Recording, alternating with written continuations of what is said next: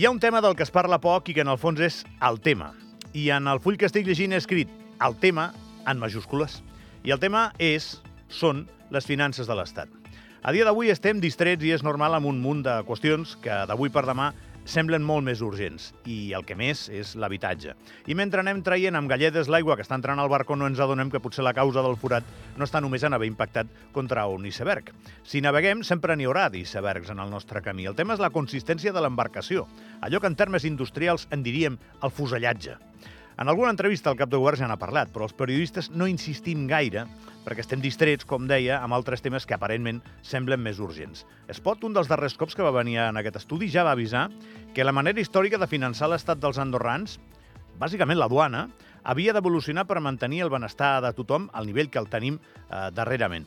I aquest ha estat el motiu de mirar de treure riquesa per anar canviant una economia en la que la banca, no oblidem, ja no vigila els estalvis que molta gent distreia de les hisendes d'origen. El problema és que aquí, com a tot arreu, som golafres amb els diners ràpids i el mateix dia que vam obrir la porta a la riquesa que venia, van deixar entrar l'especulació. Però compte que això es diu poc. L'arribada de gent amb diners a Andorra era una necessitat per esquema de país, no era una opció. Potser no tants, potser no tants de cop, però alguna cosa havia de passar per injectar diners a l'economia andorrana que, per l'altra banda, en perdia, el tema de la duana.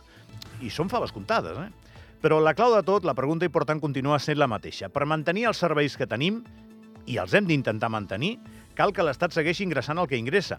I no hi ha mil maneres de fer-ho. I a cada forma de mantenir la nostra idea d'Andorra li trobarem inconvenients, com la resta de països del món. Ni més ni menys.